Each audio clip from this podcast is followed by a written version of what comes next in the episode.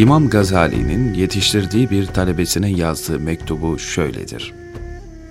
Yavrucuğum, nasihat kolaydır. Zor olan onu kabul edip amel etmektir. Nasihat söylediğini yapmayanın ağzından çıkarsa durum daha da zordur. Onu benimsemek büsbütün güçleşir.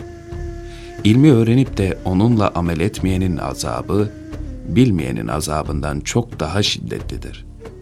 Nitekim Resul Ekrem sallallahu aleyhi ve sellem Efendimiz şöyle buyurmuşlardır. Kıyamette azabı en şiddetli olan kimse ilmiyle amel etmeyen kimsedir. Yavrucuğum, sakın amelde müflis olmayasın. İbadette tembelliğe kaymayasın. Şunu iyi bilesin ki amelsiz ilim fayda vermez.'' Kullanılmayan silahın sahibini korumadığı gibi. Ellerinde kılıçları olan on kişi sahrada bir arslanla karşılaşsalar, kılıçlarını kullanmadıktan sonra ne faydası olacak onlara? İşte sahip olunan ilimle amel edilmemesinin durumu da aynıdır. Amel edilmedikten sonra ilimin ne faydası olacak sahibine?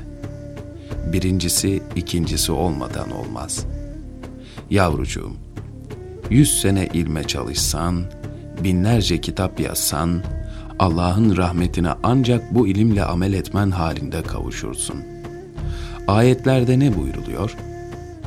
İnsan için ancak çalışmasının neticesi söz konusudur. Rabbinin rahmetini isteyen salih amel işlesin. Bu ayetlerin söylediği amelden başka şeyler değildir.'' Yavrucuğum, yapmadığın işin ücretine layık olamazsın. İmam Ali'ye nispet edilen bir sözde şöyle denmiştir. Kim çalışmadığı halde ücrete layık olduğunu vehmederse, o kimse ahmaktan başkası değildir. Hasan Basri de şöyle demiştir. Amelsiz cennet istemek, günahlardan bir günaha daha düşmektir.'' Rabbimizden gelen bir haberde şöyle buyurulmuştur. Amelsiz cennet isteyenden daha az hayali kimse yoktur. Nebi aleyhisselam da şöyle haber vermiştir. Zeki insan nefsine galip gelir. Ölümden sonrası için amel işler. Ahmaksa nefsine tabi olur. Ondan sonra da Allah'tan mağfiret diler.'' Yavrucuğum, ne kadar yaşarsan yaşa, sonunda ölüm var. Ne kadar seversen sev, akıbetinde ayrılık söz konusu. Amelsiz ilim, deliliğin bir çeşididir. Ayette, insanlara iyilik emredersiniz de, nefsinizi unutur musunuz?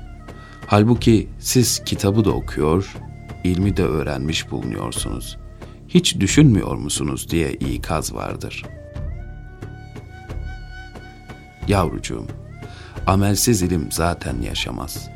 İkisinin birliğidir esas olan.